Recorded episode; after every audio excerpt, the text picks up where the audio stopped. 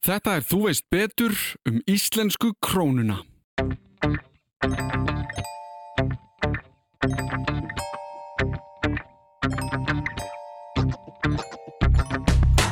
Þetta voru pínu litlar einingar en mjóri mikilsvísi. Þetta var upphafið að íslenska fjármálakjörunni.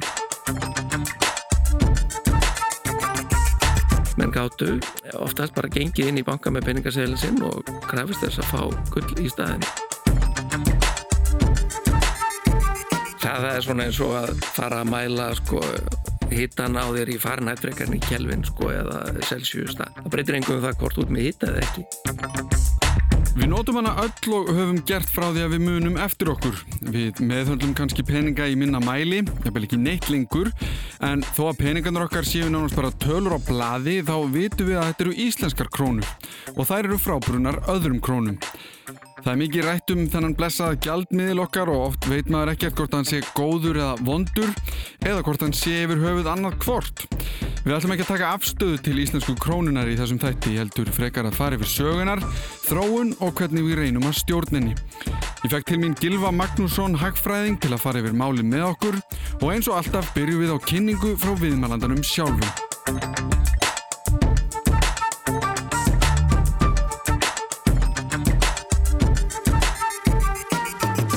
Góðan daginn. Ég meiti Kilu Magnússon og er hagfræðingur. Lærði það fyrst í Háskóli Íslands og, og svo framhaldsnámi í, í Bandaríkunum. Eftir að ég kom heim frá námi þá hef ég nú verið meira að minna í háskólanum. Það er mitt aðastar núna. Ég er professor í viðskiptafræði til Háskóli Íslands og kenni þar hagfræði og fjármál. En ég er nú svo sem komið við að við á, á ferlinum. Sætti ríkistjórn í stuttan tíma og hefur svona komið að, að stjórn í mér fyrirtækja og, og stofnana. Núna formaði bankar á Sælabankans og er líka í stjórn orkuveitur ekki aukur og hefur komið mikið að samkeppnismálum í gegnum tíðina unnið fyrir samkeppniseflitið með einsum hætti. Þetta er nú svona ferillin en svo er ég auðvitað líka fjölskyttumæður með, með fimm börn. Það fyrir náttúrulega drjú orka í að sinna þeim hóp og þau sínum orðin sæmilega stálpuð núna.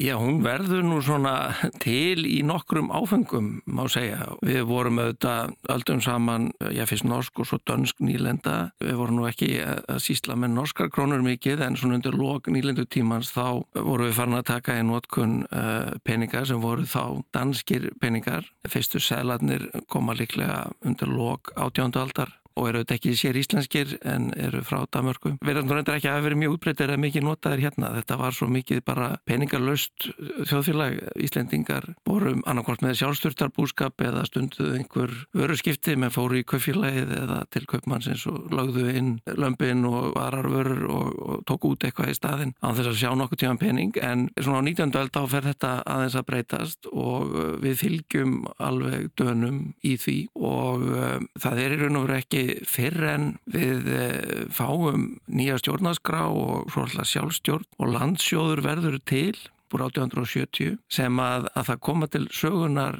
íslenskir peningar. Og þeir voru þá gefnir út af landsjóði sem er forveri ríkisjóðs og reyndar átti landsjóður banka sem er landsbankin. Þannig að landsbanki var í raun og veru nánast eins og hluti af landsjóði. Það var fullu í eigu og ábyrð landsjóðs.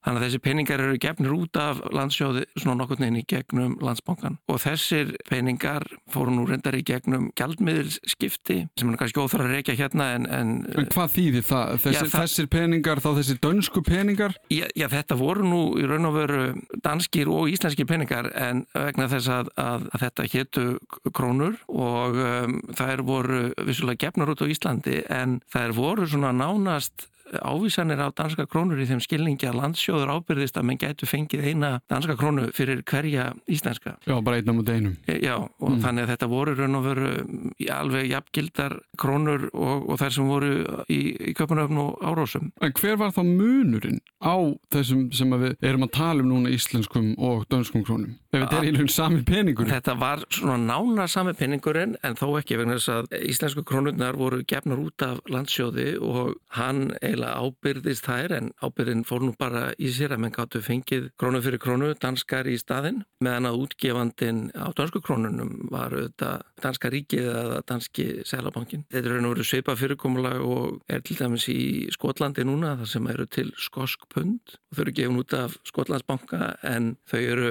allavega í Skotlandi tekin alveg jafngild breskum stellingspundum sem eru gefin út af Englandsbanka og útgefandin í Skotlandi raun og veru bara ábyrgist að þú getur fengið bresk pund fyrir þau skosku. Þannig að þetta var raun og veru svipað menn gá út íslenska krónur en útgefandin ábyrgist að þú gæti fengið danskar fyrir þær.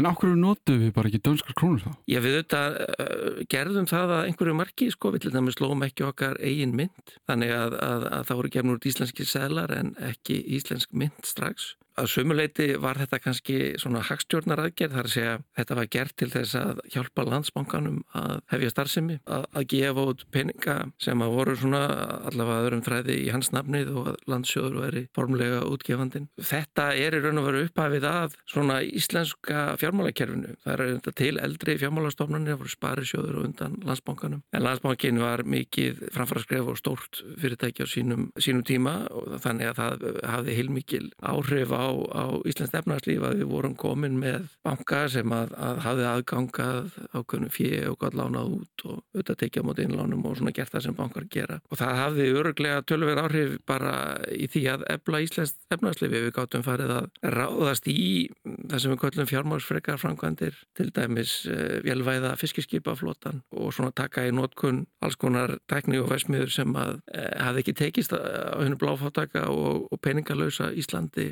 þar á áður. Hvenar var þetta? Segur 1870? Já, Svona cirka? það er reyndar að, síðar sem að, að sælarnir eru gefnir út en landsjóður er, er stopnaður upp úr 1870, mann og ekki alveg nákvæmlega hvað ár það var en það er hann rétt eftir og hann fær svo laga heimild og hann þarf auðvitað að sækja það til dana þó við hefum fengið svona eh, ákveðna sjálfstjórn að þá fengum við ekki heimastjórnina fyrir en eftir 1900 þannig að, að, að á þessum tíma eru við dönsk nýlenda og svona mestu stýrt frá Damörku en við fáum þó að vera með þennan landsjóð eins og hann kallaður og hann gætt staði fyrir einhverjum framkvæmdum og, og afla tekna og, og greitt einhverja regninga og, og gefa út peninga.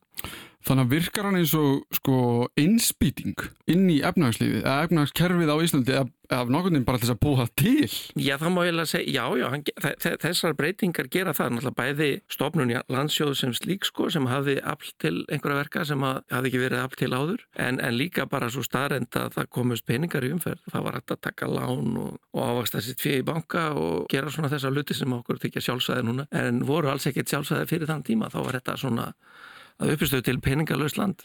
En hvað voru þá sparisjóðinir að gera sem voru komnir fyrir? Jú, þeir auðvitað sísluðu með peninga og tókum út einlánum og lánuðu eins og bankar og sparisjóður gera en, en það var þá, það var þá í raun og veru bara danskir peningar sem voru í þeirra fjárhyslum.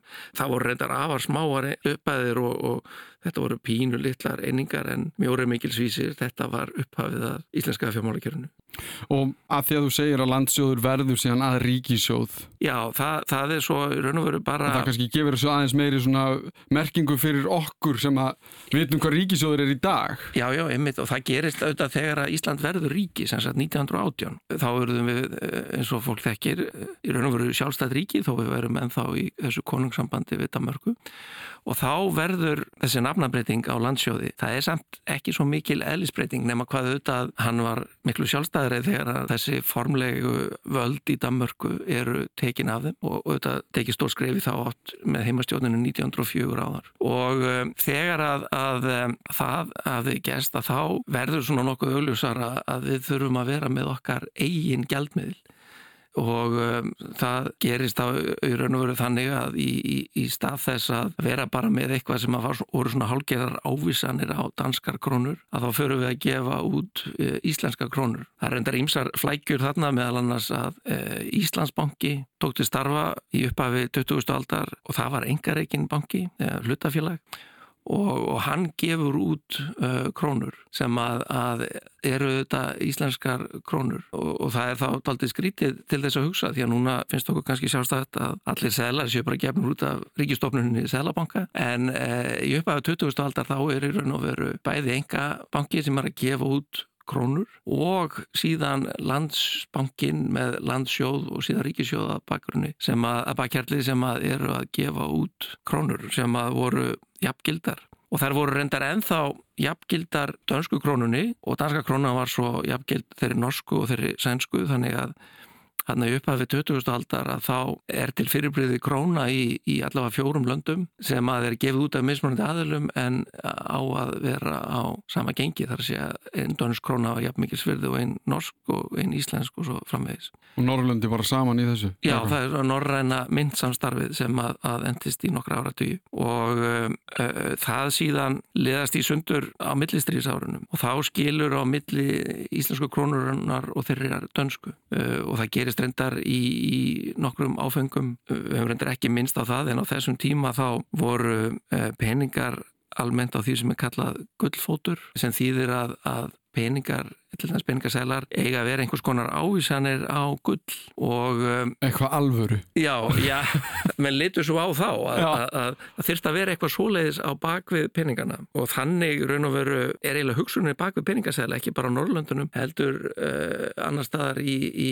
í Evrópu og, og reyndar vestanhafst og utan uh, okkar heimsluta líka að um, peningasælar eru allavega að, að nafnunu til og, og reyndar líka í framkvæmt í flestum tilfellum ávísanir á gull og reynda, reynda stundum silfur en algengast er gull þannig að menn gáttu oftast bara gengið inn í banka með peningaseilin sinn og krafist þess að fá gull í staðin og uh, Þetta hefur ekki gengið lengi? Já, þetta gekk nú förður lengi. Síðustu leifarnar af þessu kerfi þær fóru ekki fyrir en á dögum Richard Nixon spandaríkjafúsita sem að tók síðasta gjaldmiðlinn af gullfæti sem var bandrækjadalur. Þannig að það eru, það er rétt um 50 ár síðan núna. Mm -hmm. Þetta var afskaplega styrt og, og skrítið kerfi en það svona treyði ákveðin stöðuleika í gengi hver dönsk króna átt að vera ávísunni jafn mikið gull og hver norsk og þá auðvitað hver íslensk líka. En á millistrýsárunum þá það náttúrulega fer allt í steiki fyrir heimstöröldinni og svo eru flest lönd í sárum eftir hana og svo kemur heimskreppa og þá liðast þetta kerfi svona mestu í sundur og svo kemur auðvitað síðar heimstöröldina og þá fer allt í steik aftur og eftir síðar heimstöröldina að þá treystu mjög fá lönd sér til þess að veri reynda á gullfæti aftur en þá tókum hennu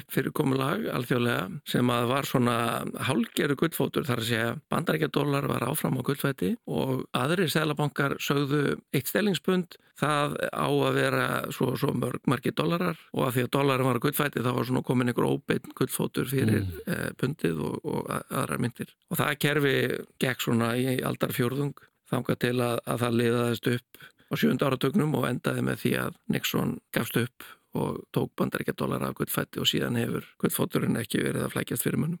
En mér langar samt að spurja sko af hverju þurftu við okkar eigin mynd? Danmark var miklu starf en við, það voru miklu fyrir sem bygguðar, miklu meira peningum. Hver var ástæðan fyrir því að það var sagt á þessum tíma við þurfum okkar mynd en ekki bara halda áfram að nota döns, þessa dönsku? Jú, það ásér auðvitað kann líklega helst á skýringu að, að, að menn tóku kannski aldrei formlega ákvörðun um að eh, vera með sjálfstæða mynd sem hefði bara eitthvað sjálfstæð gengi heldur voru nánast þvingaður út í það. Því að þegar að, að íslenska krónan er tekinu upp og, og menn er að setja hann í umferð að þá var alltaf hugsunin að þetta erði, ég fyrsta lagi náttúrulega mynd á gullfætti og öðru lagi og hún væri alltaf jafngild þeirri dönsku. En svo bara vor efnarsástandið þannig að menn gáttu ekki staðið við þá stefnu. Þannig að menn eiginlega þvinguðust í það að eina íslenska til þess að kaupa eina danska. Reyndar voru menn þá kannski meira að horfa á gengi gagvart stellingspundi sem að skipti meiru máli í heimsmiðskiptunum heldur en danska krónan og svo eitthvað gengi gagvart dollar. En eh, hagstjórnin á Íslandi á millistrís árunum, hún gekk bara eiginlega ekki upp í þeim skilningi að mennum tókst ekki að halda þessu gengi þannig að þeir finguðust, voru fingað til þess að, að hverfa frá því og fella það og þar með rýra vermaði krónunar og formulega sé að þýtti það að hver króna var ávísun og minna gull en áður. Þannig að þetta var svona eiginlega bara menn röktust út í þetta án þess að það hefði beinleins verið tekinn pólitísk ákvörðun um að vera með gjaldmiðl sem var sjálfstæður í þeim skilningi hann var með eitthvað allt annað gengi heldur en þessi gjaldmiðl fyrirvörandi nýlendu herrana. Mm. En eins og þá þegar krónan fellur og allt inn rýrist gildið, þetta verður svo löngu síðan þannig að ef, ef við, við aftengjum okkur einhverju umræðu núna um hvaða mynd við erum að vera með núna og allt það var aldrei í umræðinni þá þegar, þú veist, krónan rýrist og allt þetta að segja bara, heyrðu, þetta gengur ekki upp. Ef við ekki bara nota þessa dönsku? Eða var sjálfstæði okkar eitthvað svona falið í því að vera með okkar eigin krónu? Ég held að sjálfstæðið hafi eh, verið mjög nátengt svona þessum tákmyndum eh, fullvalda ríkis sko eins og að vera með ein mynd. Reyndar var náttúrulega e, myndin með einhverjum vísunum í, í danska konungin. Þa, það, var, það var ekki skjaldarmerkið aftan á peningunum, það, það var e, merkið konungsins en, en það stóðu allavega líðveldið Ísland e, eða konungsríkið Ísland stóðu við strendar. Það, það var formulega hittið á þessum tíma. Ég held að það hefur bara verið svona hluti af einhverju þjóðarstolti en svo sem líka kannski ágætt hægra en rauk fyrir því því að þegar við höfðum eigin mynd þá höfðum við þetta ákveðið svona forræði yfir okkar eigin efnarsmálum. Það var erfitt að trista á velvilja dana þó hann hafði auðvitað verið einhver en eftir að við verðum fullvalda sjálfstæðaríki 1918 þá höfðu Danir svo sem engar skuldbindingar kakvart okkur um það til dæmis að, að hjálpa okkur í einhverjum fjárhanskrökkum eða stiðja við gjaldmiðlin eitthvað svo leiðis. Þannig að ég er ekkert vissum að það hefði verið mjög... Það var kannski bara ekki teltur í bóði. Nei, ég hefast með að það hefði verið í bóði nema auðvitað að, að það er hægt að taka upp mynd annars lands án samþykist þess en uh, þá eru menn auðvitað uh, berrasaður ef eitthvað kemur upp á því að þá færði engan stuðning frá útgefandan. Það er auðvitað eitthvað sem er svo sem í umræðinni bara núna þegar að vera að tala um að sem er svo sem ekki verið mikið umræðin allra sístu ára en það var stundum uh, fyrir nokkrum árum umræðum einhliða upptöku öfru. Það hefði verið svona svolítið sett okkur í söpa stöðu og ef við hefðum einhliða tekið upp danska krónu 1930 að það hefði teknilega séð verið hægt en við hefðum verið án stuðnings útgefandans ef við hefðum lendið í einhverjum vandra. Og þegar, að því að mér langar aðeinslast aldrei við að Íslandsbanki sé að gefa út sína eigin mynd Já. sem er svona pínu eins og bara Arjónbanki var í, að reyndar er, er ekki Arjónbanki enga eigu? Jú, hann er enga já. Að Arjónbanki væri að prenta sín eigin peninga. Já.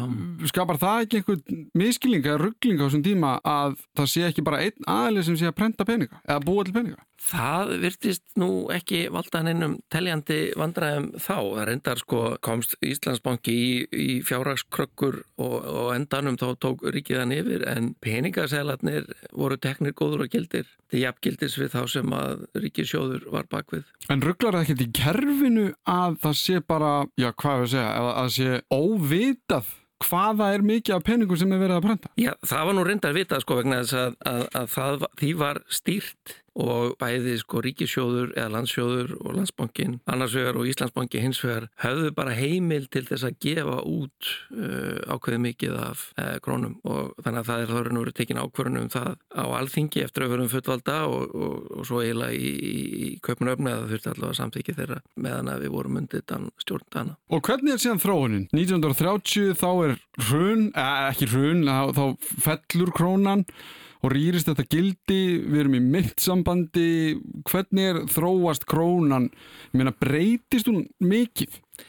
Já, það, það voru reyndar ímsa sviftingar á millistriðsárunum og, og menn voru að reyna að ná eftir að maður fælt, þá reyndum menn að hækka hann upp aftur og, og svo gáðist mann upp á því og, og svo endan hún alltaf kemur bara heimstyrjöldin og þá er sjálfskorið á tengslinn við dönsku krónuna en þetta hann er hernundir af, af, af þjóðurum og, og við að brettum þannig að við leitum svo litið bara í, í skjól bretta og, og síðar bandaríkjamanna. Og en við erum áfram með okkar krónu og uh, Íslandsbanki er þá horfin af sjónarsviðinu þannig að það er eh, landsbankin sem að, að gefur út þær krónur og uh, hann var í svolítið skrítnu hlutverki, hann var nefnilega bæði svona almennur viðskiptabanki og líka selabanki, þannig að hann var í raun og veru í, í, í tveimur hlutverkum. En var ríkistofnun þannig að, að ríkið bara fól þessari stofnun að, að, að gegna tveimur hlutverkum. Og uh, það gengur svona fram á sjötta áratugin og þá er mér nú færnir átt að segja á því að það er svolítið skrítið að vera með viðskiptabanka sem er líka selabanki.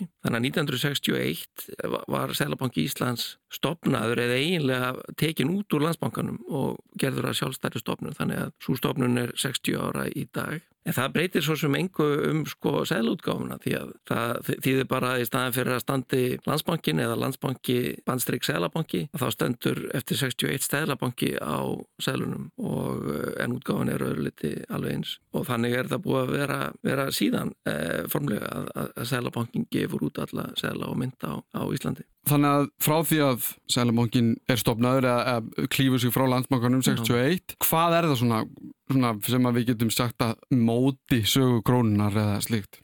Já, það eru ekki þetta að horfa framhjá því að okkur tókst mjög illa sem samfélagi að halda þessari krónu stöðugri. Við áttum í verulegum vandraðum með að, að, að fylgja þessum gullfæti meðan vorum á honum. Þurftum hvað eftir annað að, að fella gengi krónunar. Gripum til alls konar ráðstafana til þess að vernda hana sem voru yfirleitt ekki góða til áframa en, en, en voru hugsað sem einhverja skamtíma lausnir sem að menn endur svo út í móa með gældiris höft, jafnvel sko margkvalt gengi og, og Hvað þýðir þessi, sko, að því ég veldi fyrir mér, hvað þýðir það þegar maður fellir krónuna, ef við byrjum þar? Jú, það, það er auðvitað orð sem að hefur ekki verið í, í notkun á Íslandi megnið af 21. öldinni, en á 20. öldinni e, þá var lengst af e, já, þessi gullfótur og hann þýtti að hver króna var ávísun á okkur magna gulli og þegar mann feldu gengi krónunar þá bara gáfistur upp á því gengi og sögðu ok, nú þartu svo og svo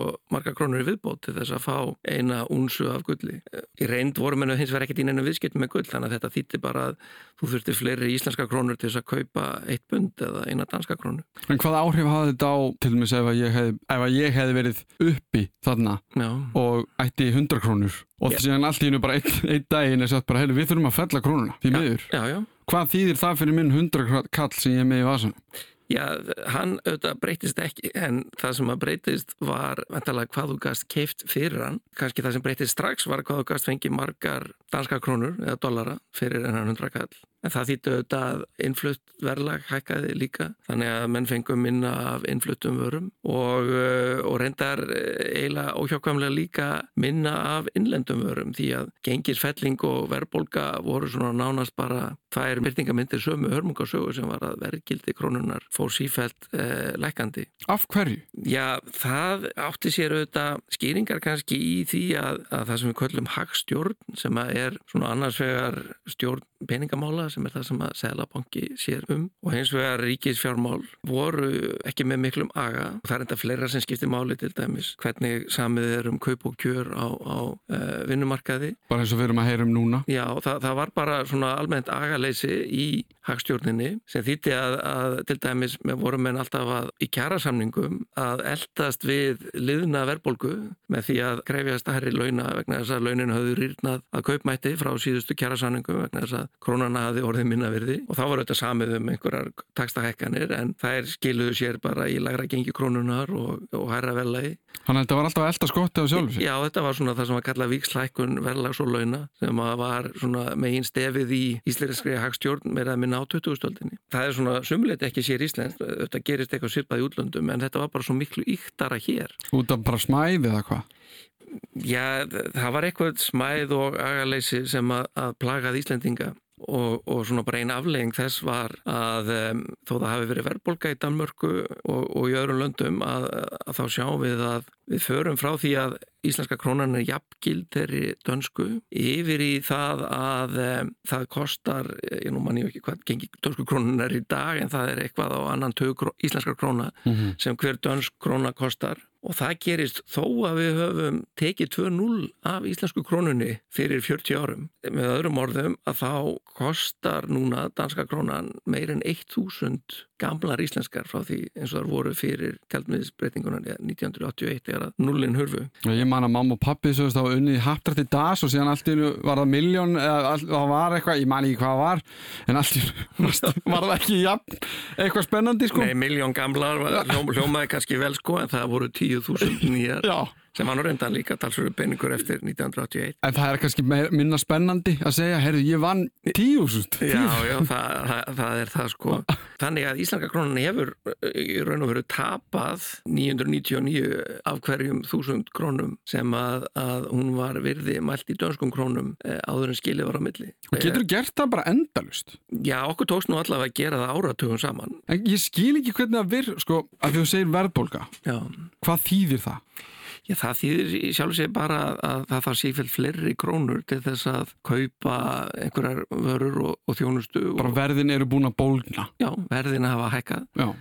Þú í staðan fyrir að borga 190 krónur fyrir bensínlítran þá borgar þú 200 og svo 210 og, Ok. og, og svo framvegir Af því maður heilstundum út í löndum að fólk sé að fara með hjólbörur Já, já. fullar af peningum til að kaupa í matinn af því að peningurinn er orðin svo lítils virði Já, það, það blessunlega gerist það nú ekki á Íslandi að, að menn þurft að fara með hjólburur um, en í óðaverbólgu að þá, þá getur það gerst eins og gerðist í, í þennan okkur löndum eftir setni hefstyrjöldina og gerðist á millistrisárunum í Þýskalandi og hefur gerst í Argentínu og víðar. Að þá bara reynlega missa minna algjörlega tökin á yfirleitt ríkisfjármálunum og ríkið bara prentar sæðla með sífælt meiri hraða og, og þetta reyndar ennþá til dæmi, þetta er ekki bara sögulegt, þetta er í Venezuela núna og, og öðrum löndum sem eru nánast bara á barmið þess að, að, að reynja að, að, að ríkið getur ekki fjármagna sig nema bara með því að brenta sífælt meira seglum og þá getur verðbólgan farið svo algjörl úr böndunum að eins og það lýsir, þú fer með uh, hjólburur með peningum út í búð og þú ert komið þangað þá eru sko hjólburunar miklu verðmættari heldur en peningaseglur rúan sem er í þeim mm. En blessunlega var þetta ekki alveg svona slemt hjá okkur. Versta, versta á, ástandið var þegar að verðlag tvöfaldæðis, sem sagt verðbólgan var 100% á einu ári, eh, snemma á nýjunda áratögnum. og er alltaf hægt að segja bara tökum 2-0 af og bara það bara gerist í daginn og þá bara einhvern veginn við plástur yfir ástandi Já, í sjálfu sér hefur fullvalda ríki með eigin mynd sko alla möguleika á því. Það eru þetta ekki engin umræðum það núna en þetta væri hægt. Ég re- reiknaði reyndar út um daginn að, að við erum ekki alveg komin í sama verðlag mælt í krónum eins og var fyrir 1981. En, en við erum komin svona halva leiðanga þar að segja verðlag hefur cirka 50 faldast frá því við tókum þessi 2-0 af. Og ef verðlagi myndi 100 faldast þá væru við komin á sama stað og við vorum áður en við tókum 0 af. og hvað gerði það? 81, þegar 0 2-0 eru tekin af einn daginn, þá vaknar við það er búið að taka 2-0 af ok, hvað gerist þá? Þa, það er veru bara tákrænt. Það, það, það hefur engin svona margtæk áhrif nema einhver sálræn sko og þetta geta sálræn áhrif skipt máli en það var lagt í þetta sem svona um, einhver nýtt uppaf og nú tækjum við betri tímar og við ætlum að vera með betri gjaldmiðl sem er sterkari og svo fór það allt í vaskinn sko verðbólgan og var aldrei herri heldur en rétt eftir þessa gjaldmiðlsbreyting. Af hverju? Já, sko, Áttu þetta ekki að laga? Jú, jú, en það er svona eins og að fara að mæla sko hittan á þér í farinhætt frekarni í Kelvin sko eða Celsius það, það breytir engum það hvort út með hitta eða ekki. Þa- þetta var bara svona tákrænt og, og kannski hefði verið með einhverju þjóðrátaki hægt að, að, að gera eitthvað samlega þessari gjaldmiðlisbreytingu en, en það var ekki gert. Það, það var hins vegar svona ákveðið þjóðráttak sem að má segja hafi verið cirka tíu árum síðar 91 á cirka Já, þá eru svo kallar þjóðarsáttarsamningar sem að voru kannski mikilvægast að skrefið eh, í því að höggva á þennan þessa sífældu vikslverkun verðhækkunar og, og launahækkana sem að hafi plagað okkur fram að því. Svona á tíundu áratögnum þá smám saman náum við talsveit betri tökum á eh, stjórn, já ég má segja efnarsmála, þar með peningamála og uh, frá aldamótum að þá hefur krónan verið mun stöðuri, það er sér 21. öld eða það sem af er 21. öld heldur en lengsta af á 20. öld en auðvitað hefur krónan að fara í gegnum talsverðar remmingar á 21. öld líka það kom verulegt verðbólgu skot í kringum fjármálarhrunnið og komið auðvitað gældiris höft líka. Já, hún nefndi það áðan, sko. Já, já, sko gældiris höft voru við líði megnið af 20. öldinni. Síðan sömdum við um að leggja þau af með EES-samningnum en það var ekki nema í um 15 ár sem að við vorum án þeirra. Svo komum við aftur í kjölfarhruns Nú er þau blessunlega farin og maður bara krossleikur fingur og vonar þessu farin varanlega en það er auðvitað ekkert varanlegt í þessum heimi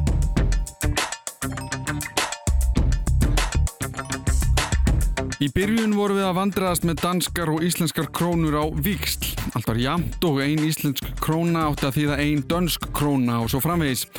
Það breytist svo með ymsum stórum atbyrðum, þá einna helst heimstyrjöldunum tveim og kreppum og hernámi sem þeim fylgdu. Einu sinni áttu við að geta farið inn í banka og heimtað gull fyrir peningan okkar því gjaldmiðlar stóðu á gullfæti sem Nixon nixaði svo algjörlega síðustur þjóða 1971. 20. öldin einkendist af erfileikum við að ráða við krónuna hún var feld síðast árið 1981 sem var skamgóður vermir en ef við lítum á aldamótin sem vendipunkt okkar yfir í nútíðina erum við enþá að eiga við sömu erfileika eða er einhver breyting sem eru átt sér stað á síðustu 20 árum okkur hefur nú þráttur allt sko gengið betur allavega að halda verðlægi og gengi sæmilega stöðugu svona um það byl frá aldamótum. Við reyndar hættum að reyna að halda gengi stöðugu 2001 og Sælabankin fór að einbeita sér að uh, verðlægi en, en honum hefur gengið skár að, að ná því markmiði á 2001. öldinni heldur en að honum tókst að ná markmiðum sínum á 2000. öldinni. En auðvitað ekki náði fullkonlega eins og fjármálarraun og gengis höft og, og súkottsteipa öll uh, sínir fram á. En hvað er þá eins og, að við, við erum búin að tala um sæðila, við erum búin að tala um myndir En það er kynslu að alast upp núna sem að sko, meðhöndlar varla peninga sjálf. Þetta eru bara tölur í appi. Já, já. Er eitthvað sem breytist við gjaldmiðl eins og krónuna við það að við erum ekki lengur að eiga við bara alvöru peninga í, í svona fysikal formi heldur bara tölur og bladi? Í raun og veru breytir það ekki eðli gjaldmiðl sem, neina nefnur. En þetta er auðvitað alveg rétt að það er alveg hægt að, að, að gangi gegnum öllu viðskiptin ánar sem þú þart á þess að, að, að nota seglega mynd núna. Þau notum bara kort eða einhverja millifæslur í bankareikningum í heimabankanum eða einhverjum öppum og það eru ekki sér íslenskt. Þetta er svipað í nákvæmlega löndunum. Svíjar komni lengur en við reyndar en En svona flestir er að gera eitthvað svipað hlut á við og um, það þýður auðvitað að, að hugtækið peningar, það má ekki tólka það þröngt það sem þú átt á bankareikningi er auðvitað líka peningar og ekki bara vegna þess að þú getur farið í bankan og heimtað segla fyrir innstæðuna, heldur vegna þess að innstæður í böngum það er þjóna alveg eh, sama eh, hlutverki eða er alveg í sama hlutverki eins og peningaselar. Peningaselar skipta sífælt minna máli í því sem við kallum greiðslumiðlun. Það er að segja að menn greiða fyrir allt mögulegt vörur, þjónust og laun og skatta og allt mögulegt á þess að eh, nota segla ég verður að segja fyrir mig, ég sé eiginlega valla segla nema þegar ég, ég þarf að hjálpa börnunum mínum að fara með einhverja peningasegla í ammaliðsgjafir handa bekkjasískinum. Það er lengið önnur nót fyrir peninga og svo kannski fermingagjafir eða eitthvað svoleiðis en annars Já, er þetta bara alltaf rafrænt. Já, og þess vegna pæli sko í því að því að við lítum á nútíman sem bara síðustu 20 ár, segjum það bara. Uh, íslenska krónan hmm. sem er náttúrulega alltaf millir tannan á fólki og fólk hefur sína skoðanir hefur hún í aðlisínu eitthvað breyst Nei, raun og ekki, allaveg ekki út af þessari sko rafvæðingu ef við köllum hana það. Og hún byrjar reyndar að, að lengra en 20 ár síðan því að fyrstu grítarkortin eru eldri. Um, alltaf sé ekki svona um það byrju 40 ár síðan að, að, að þau fóru að verða algeng á Íslandi og þetta eldri til þessi bandaríkunum en, en það breytir ekki sko eðli krónunar, það þýðir bara að við erum að sísla með krónur og færa þar á milli með öðrum hætti. En þetta eru eftir, eftir sem áður krónur En breytir það eitthvað hegðun hennar? Að því að við tölum um sko að Sælabankin tekur við og byrjar að stýra króninni mm. það er svo stopnun sem við horfum til. Hún prentar peningana, hún, hún býr á til.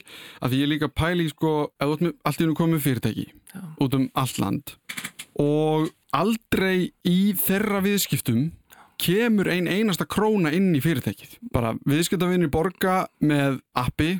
Já, já og það fer inn í einhver, einhver reikningi á þeim og þeir borga gjöldin á því að því að einu sinni gerir ég ráð fyrir að við stjórn, að Sæðlabankin stjórnaði einhvern veginn hagkerfun að því að eins og segði með Venezuela, bara prenta endursta peningum og þá bara það einhvern veginn ringsnist upp í einhverju vitleysu. Mm -hmm og ég gerir ráð fyrir að Sælabanki Íslands get ekki bara prenta fullt af krónum allir verða að ríkir af því að það þýði að það fara allt í köku. Já sko, þegar talað er um peningaprentun nú til dags, þá, þá er það ekki sko þannig að koma einhverju gámar frá London með seglum. Þa, þá er það, eru nú rafrænir peningar sem eru búinir til í bankakerfunu og þegar að sagt er að Sælabankin geti ekki prenta endalist á peningum þá erum við neila að vísa til þess að Sælabankin ef að hann dælir peningum út svona rafrænt þá hefur það eh, áhrif á gengi og verðlag og, og hefur þannig efnaðsleg áhrif. Hversu mikið af bókstala sæðlum er í umferð er svona algjört aukaatri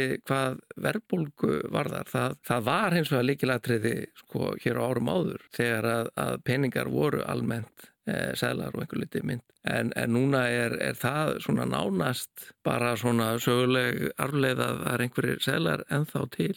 Rendar fyrðu mikið, ég veit ekki hvort mann gera sig grein fyrir því en það eru til eitthvað um 80 miljardar íslenskra króna í sælum og mynd langmest í tíðusköllum og það, það er eitthvað, eitthvað um, um þarna 200.000 á hvern Íslandi sem er alveg stórfurlu upp að því að þú spyrðir, spyrðir svona vennilega mann sko, hvað áttu mikið af, af, af seglum og mynd sko, þá væri svarið svona eitthvað frá null og upp í einhverja þúsund kalla sko. Mm -hmm flestir eiga eitthvað mikið meira en það sko. Ekki nema að séu sko í svarta hækkerunu að, að þarna selja eitthvað. Já, já. Eh, eða einhvers konar sapnar bara. Já, þannig en, en það eru samt til svona svakalegur uppæðir og þær eru einhver staðar. Hlutaði ég bara í einhverjum sko gældkera skúfum í, í, í fyrirtækjum og böngum og eitthvað af því er í, í þarna vösunum hjá útlendingu sem hafa komið yngað og farið með til útlanda og eitthvað er týnt í einhverjum frökkum sem þú fóst ekki síðan að, að COVID byrjaði og eitthvað svoleið sko. mm -hmm. en, en stór hluti af því er líklega bara það sem við segjum undir kottanum að fólk er að geima peninga þar sem að sést ekki til þeirra og það er bara gert með því að vera með einhver staðar með punkt af, af peningum. Ég 200.000 mann er aldrei mikið sko, fjara manna fjölskylda eftir að vera með 800.000 En þú veist að fjóramanna fjölskylda á alveg örglega ekki 800.000 sæl. Nei, mér finnst það allavega óleiklega. en heldur það þá að það sé út af, að því að nú flutti ég til Liverpool 2008 Já. og Geir. Horti kom með ræðinu sína mjög stutt eftir að ég fór út Já. og þá sagði þú verður að fara til hraðbunga eða áti banka eða eitthvað og taka brútt pund og eiga undir kottanum bara svo ef það fer allt í köku þá bara getur þú getið mat, þú veist, allt þetta. Já, það var enda mjög skiljanlegt sko 2008 því að það var náttúrulega ekkert hlaupað því að koma peningum frá Íslandi En, en það er svona, það sem betur fyrir þá var nú aldrei eh, vandamál að ná peningum sko íslenskum krónum út úr íslenska bankakerfinu ef að menn áttu þá þær á, á reikningum. En hrunið hins vegar hafði talsverða áhrif á ymmið þetta. Það er svona því sem næst tvöfaldaðist að magn sem að var til af peningasælum einhver staðar í samfélaginu við hrun vegna þess að fólk hljópin í bankana og var döðrættum að ná einhver út og, og tók bara út sæla, fór út með plastboka fulla peningasælum ef, ef menn áttu þá ná bara eitthvað inn á reikningum peningum og þetta fyrir hefur ekki eh, nema hluta að skila sér eftir inn í bankana þannig að það er enþá undir einhverjum kottum. Og hvað er stæsta af því þú sagði á hann að Sælabankin fór úr því að einbæta sér að gjaldiris genginu já. yfir í kaupmátt eða verðlag? Hvena gerist það? Það gerist 2001, hann, hann, hann eiginlega nittist til þess því að hann hafði reynd að halda genginu förstu en, en reð bara ekki alveg við það þannig að hann gafst upp á því á fjallgengið og eftir það hefur gengið verið fljótandi. Þar að segja það, það bara ræðist á, á markasviðskiptum á hverjum degi og Sælabankin reynir ekki að stýra því beint en það er allavega ekki aðalmarkmiðið með peningastefnu hans því að megin markmiðið er að reyna að halda verðbólgunni í skefjum, halda henni svona því sem næst í 2,5%. Er, að, bara svo við tökum aðeins, er Sæðlabankin sjálfstæð eining, hver stjórnar Sæðlabankan? Jú, Sæðlabankin er sjálfstæð ríkistofnun og um, fær ekki, tekur ekki við beinum fyrirmælum til dæmis frá ríkistjórn. Um, það er eins og eitthvað flókið stjórnkerfi yfir honum, það eru auðvitað Sæðlabankastjóri og það eru aðstofar sælabankastjórar og þeir taka ákveðnar ákvarðanir. Eh, en, en svona líkil ákvarðanir eru teknar af þremur nefndum og einn þeirra er kallið peningastefnu nefnd og það er hún sem að beri lápir á því að reyna að halda verðbólkun í skefjum og, og tekur ákvarðanir um til dæmis vexti sælabankans sem hafa áhrif á, á vexti í hækjörunu og verðlag og, og annað og þannig að, að en, en svo nefnd er, er sjálfstæð það þarf auðvitað einhver að skipa í hana þannig að það eru auðvitað einhver sem geta haft svona áhrif á það allavega hverju sitja í byrjingastefnunum en eftir að fólk hefur verið skipað í hana þá það ekki að taka við fyrirmælum frá neinum hvorki alþingi nýja þinginu nýja öðrum. Og ekki fjármálar á þeirra? Nei, fjármálar á þeirra og bara alls ekkert að segja þeirri nefnt fyrir uh, verkum. Getur við talað um kosti og galla íslensku krónunar án þess að brjóta hlutlis okkar. Já, já, já, það er auðvitað hægt að ræða það bara svona með tildulega velþægtum hagrænum rökum sko, hagfræðingar hafa eh, mikið auðvitað veld fyrir sér hvað er til dæmis það sem kallað er hagkvæmt myndsvæði, þar sé á hversu stóru svæði, jafnvel mörgum löndum ætti að vera ein mynd Þessi umræða skiptir sköpum varðandi stopnun uh, myndsamráðsins í Európu og Evrunar. Það vil til að, að hagfræðingurinn sem að, að var svona frumkvöld í þeirri kenningarsmíði var nú Íslandsvinnur, kom hinga nokkru sinnum en hann kannski ekki aðlatrið. Hann dó bara fyrir skömmu. Hann þróaði ímsa kenningar um það sem hefur verið miða við síðan um það hvort að borgi sig til þess að vera með sjálfstæða mynd og, og hvenar ekki. Og það er alveg hægt að, að meta íslensku krónuna svona út frá þeim viðmiðum sem að hann og, og þetta fleiri hafa síðan þróað. Eh, náttúrulega eitt af því sem að, að hort er til er hvort að við séum með lönd sem eru með lík líkt efnagslíf. Þar lendi kannski þörf fyrir svona svipaða efnagstjórn og sérstaklega stjórn peningamála og efruðsvæðinu að með benda á að það er nú kannski ekki svo mikill munur á, hvað ég var að segja, Fraklandi og Þískalandi og, og Benelux-löndunum. Þetta er nú svona allt mjög svipuð innríki með svipaða tekjur og svipuð ríkisfjármála og annað. Þannig að það var eðlert að þau væri með samílega mynd. Svo að aðri benda á kannski var tegðum eins og of langt í efrunum með því að hafa líka löndin í Suður-Európu sem eru með talsveit öðruvísi hægkerfi og kannski sögulega sé minni aga í ríkisfjámálum og peningamálum. Og það auðvitað allir svona spennu í fjámálakrísunni að, að ástandi var allt annað í Suður-Európu heldur en í Norður-Európu og það voru harda deilur um það hvort að alltaf Európski Sælabankin ætti þá að hjálpa þessum veikari og, og, og, og fjármagna ríkissjóðuna í Suður-Európu og hann gerði þann og reyndar á endanum en, en með, það voru mjög harda deilur, pólitíska deilur í fjögur árum það hvort þetta gerast. Og Ísland er auðvitað með um margt svolítið sérstakt hækir, það er ekki bara smæðin heldur líka það að við erum með aldrei aðrar atvinnugreinar eh, að uppistöðu til heldur en nágrannlöndin, við vorum auðvitað sögulega séð mikið með sjáurútveg og hann er ennþá mikilvægur en álið eða stóriðjan er orðin svona álíka stór og svo allavega fyrir COVID var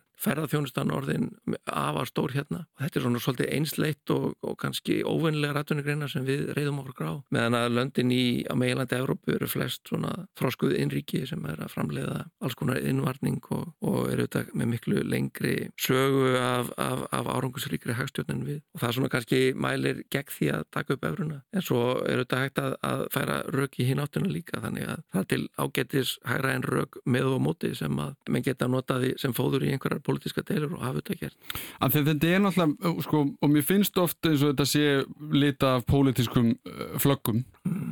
þessi umræða, en sko, því að ég er aðeins að pæla þegar þú, þú talar um öfruna, en sko, hverjir eru kostur þess að við séum í krónuna? Já, það er eiginlega, helsti kosturinn er, er sá að um, hún getur sveiblast upp eða niður eftir því hvort að vel eða illa árar í íslensku hagkerfi og stundum er bara einfallega þörf fyrir það að gjaldmiðl veikist ef að land verður fyrir þungu áfalli að þá getur gengis uh, veiking eða felling hjálpað útflutningsatvinnum við honum og jafnvel beint kaupmætti yfir í innlendar vörur í staðan fyrir innfluttar sem að, að örvar hagkerfið. Og þetta gerðist auðvitað eftir 2008 að einhverju marki því að krónan var mjög veik og það þýtti að í stað þess að fara í, á skýði hjálpunum þá fórum við á skýði á, á syklufyrði og, og það er gott fyrir íslenska hagkerfið og, og aðra slíkar breytingar urðu í kjálfar veikingakrónunar og við löðum til okkar ferðamenn. Og svo auðvitað í hináttina ef það er mikill uppgangur að þá getur styrking gjaldmiðils kælt hagkerfið og svona komið í veg fyrir kannski einhvers konar ofitnun. Þetta geta enga séu verið mjög sársöka fullar breytingar sem að menn sáu einmitt eftir 2008 að hinn hliðin á hrunni krónunar var að kaupmáttur minkaði og það voru þetta launþegar og aðri sem voru með tekjur í krónum sem að, að, að fundu það á, í veskinu að, að króna var minna virði. Þannig að það var svona gott fyrir atvinnuvegina og það er þetta gott fyrir launþega að atvinnuvegina hafa það gott og það sé hægt að búið til störf og annað en, en kaupmátturinn minkaði á móti. Þannig að sjálfstæði Hann andar þá í takt við það land sem hann er í. Já, hann gerir það, eða á að gera það. En mikill óstöðuleiki í gengi getur líka verið mjög skadlegur þannig að ef að, að sveiflunar eru mjög yktar að e, þá andar hann ekki í takt við hagkerfið. Og eitt af því sem er mjög erfitt að ráða við á, í litlu hagkerfið eins og þessu íslenska að ef að fjármarsflæði til og frá landinu er algjörlega frjálst að þá getur krónan hoppað og skoppað bara út af því hvernig stemningin er á einhverjum viðskiptaborðum í, í þarna London eða New York uh, og, og jafnvel sko farið í einhver áttir sem er bara alls ekkit í, í takti við það sem íslenska hægkerfið hefði helst þurft og, og þannig getur sjálfstæðu gjald með beilinins búið til óráleika og, og vandræði. Og það er kannski erfitt að plana fram í, í tíman? Það er mjög erfitt að plana fram í tíman sko mm. og ef við varum bara veltaði fyrir okkur eigum við að framleiða eitthvað á Íslandi, við erum kannski með einhverja hugmynda, einhverju vöru og nú veltaði fyrir hvort við höfum að framleiða hana hérna eða einhverstu annar staðar. Og ætlum að selja hann í útlöndum og þá er mjög óþægilegt að vera með kostnaði í einhverjum gjaldmiðli sem að getur rokkið upp eða niður. Vegna þess að, að það þýr kannski að þó okkar ekstu gangi ágætlega þá bara allt í eru við verulega vandrað eins að krónan styrtist eða erum allt í einu að græða einhvern hellinga þegar krónan veiktist. Það er mjög erfitt að skipulegja alþjóðavískipti þegar að grunnurinn er mjög óstöðugur og, og gjaldmiðlinn er alltaf grunnurinn að alþjóðavískiptum hvers ríkis. Þannig að þetta er í raun sami hlutinu sem er kosturinn og gallin. Já, já, það er alveg klárlega hægt að líta þannig á að að, að kosturinn sé um leið gallin, þessi svejanleik. Já, það eru kostir og gallar við íslensku krónuna, eins og með allt annað líklegast. Merkilegt er þó að það sem verist vera kostur getur virkað sem galli á sama tíma, eftir því við hvernig er talað, hver græðir og hver tapar. Því er kannski skiljanlegt að það reynist erfitt að taka afstöðu til krónunar sem gjaldmiðils. Það er enginn fullkominn laust. Ég býð samt spenntur eftir brefum til mín sem útskýra hvað sé samtinn fullkomna laust, enda sterkar skoðanur um þessi mál. Ég byrði ykkur samt að leita undir kottunum hjá okkur því miða við þessa 80 miljardar í peningu sem leynast út í samfélaginu geti vel verið að einhverjir hafi glemst þann undir. En hvað með framtíðina? Hvernig lítur hún út fyrir íslensku krónuna?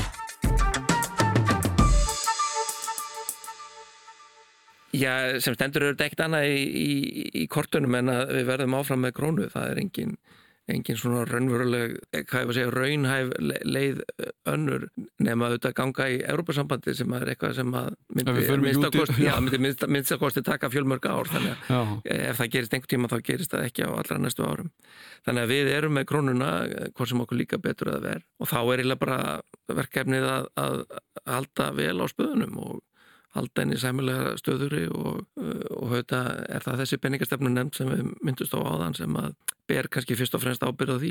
En auðvitað skiptir flera máli til dæmi það sem er gert í ríkisfjármálunum og það sem er gert á, í, í kjærasamning. En eins, ef við tölum bara um eins og aðstæðanda sem við erum búin að lifa í gegnum núna síðasta einu, hálfa, einu árið eh, cirka, þú veist það sem að því við tölum um þessar atvinnugreinar sjávarútur, við erum stóriði og síðan erum við ferðamanna sem að gjör sannlega fellur, bara mm. flatur. Hvað áhrif hefur það á íslensku krónuna? Jú, hún náttúrulega fjell eitthvað sko. Þa, það, það gerist náttúrulega þegar að stærsti útflutningsatunauðurinn bara bóstalega skellt í lág sko. Þá auðvitað komu miklu færri eurur og dólarar til landsins og það þýtti að, að krónan eh, fjell eitthvað. Reyndar dró líka verulega á innflutningi og náttúrulega Íslendinga fóru ekki til útlanda sem ferðamenn. Þannig að krónan fjall nú minna kannski heldur en maður hefði haldið og við erum reyndir ennþá með afgangu því sem kallaði fisketiöfnur þannig að við erum að búa, búa til fleiri efrur heldur en við erum að nota. Þannig að það er svo sem engin krísa í, í þarna gældiris eh, viðskiptunum þrátt fyrir hrun krónunar en eh, krónan fjall eitthvað og það auðvitað bjóti smá verðbólku skot sem að er slemt fyrir laun þegar en það er svo sem hjálpa líka útflutningsatunum það, það er betra auðvitað að reyka sjárutusfyrirtæki til dæmis mm þegar að gengið er veikt heldur en þegar það er stert og, og aðra útflutningsatunum greina líka. Það er svo erfitt að taka afstuð til íslensku krónunar. Man líður þess að sé ekkert afgerandi í aðra hver átt. Nei, það er, það er einmitt málið. Það stundum er mjög fínt að vera með eigin krónu, stundum er það alveg afleitt. Og það fer svolítið náttúrulega bara eftir hvar menn eru í, í þarna efnarslífinu. Sko, sem launþegar þeir sjá svo bölvu oft krónunni þegar að verðbólkan skýst upp eða krónan fellur. Þeir sem eru að reyka einhver útflutningsfyrirtæki, þeir fagnar þegar hún veikist en bölva þegar hún styrkist þannig að að, að, að, að það, er engar skýrar myndir í þessu hvena konan er góð og hvena hann er slæm. Það fyrir eftir hvað þú stendur. Að þú sagðir þegar hún veikist þá eru útflutningsaðlar gladir ránaðir, já af hverju? Já, það er bara svo einfalt sko að þegar að tógar er siglir með þoskinn til, til húlið eitthvað að þá, þá fær hann eitthvað greiðslu í pundum eða dólarum eða efrum og hann fær fleiri krónur fyrir pundin og það er náttúrulega gott fyrir sjó, sjómennina líka sem eru með, með hlutaskipti, þeir fá fleiri krónur. Þannig að þeir eru ánaðir, en svo fyrir hann þeim út í búð og þá þarf hann að borga meira fyrir kokopöfsið, mm. já, hann fær það reynda ekki lengur. Nei, ekki lengur. Uh, En kannski svona, að því þú talar um frá 81 er við tókum 2-0 af mm. þá hefur verið 50 földun Já, það er alltaf svakalegt. Það er alltaf svakalegt. Eftir þá 40 ári viðbót Já, það myndur nú reynda að taka eitthvað minni tíma uh, af því að, að sko... Það veldur svöxtur á þessu. Já, Já. En, en, en sko þegar verðbólgan er kannski bara 2% sko, þá tekur nú reynda alltaf tíma að, að tvöfalda velag. En, en uh, verðbólgan var miklu meir en það, sérstaklega á nýjönda áratögnum, þá fór hann upp í 100% um tíma. Og af því að við erum bara búin að hækka síðan þá, Já. erum við bara að horfa það fram í tíman líka?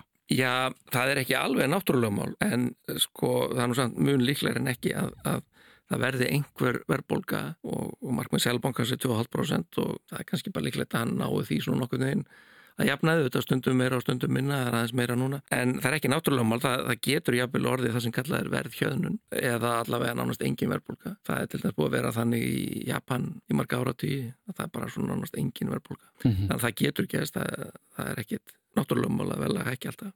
En ef það gerist þá þurfum við ekki að láta að koma okkur rosalega mikið óvart eða hvað? Nei, ég myndi svona frekka að rekna með því en ekki. Já. En við erum jákvæðir. Já, já, það, það er náttúrulega, sko, þó að vella hækki að þá hefur lengst til lengdar laun líka hækkað og reyndar aðeins meira en vella. Þannig að, að reikningurinn í búðinu hækkar en sem betur fer hækka launin líka.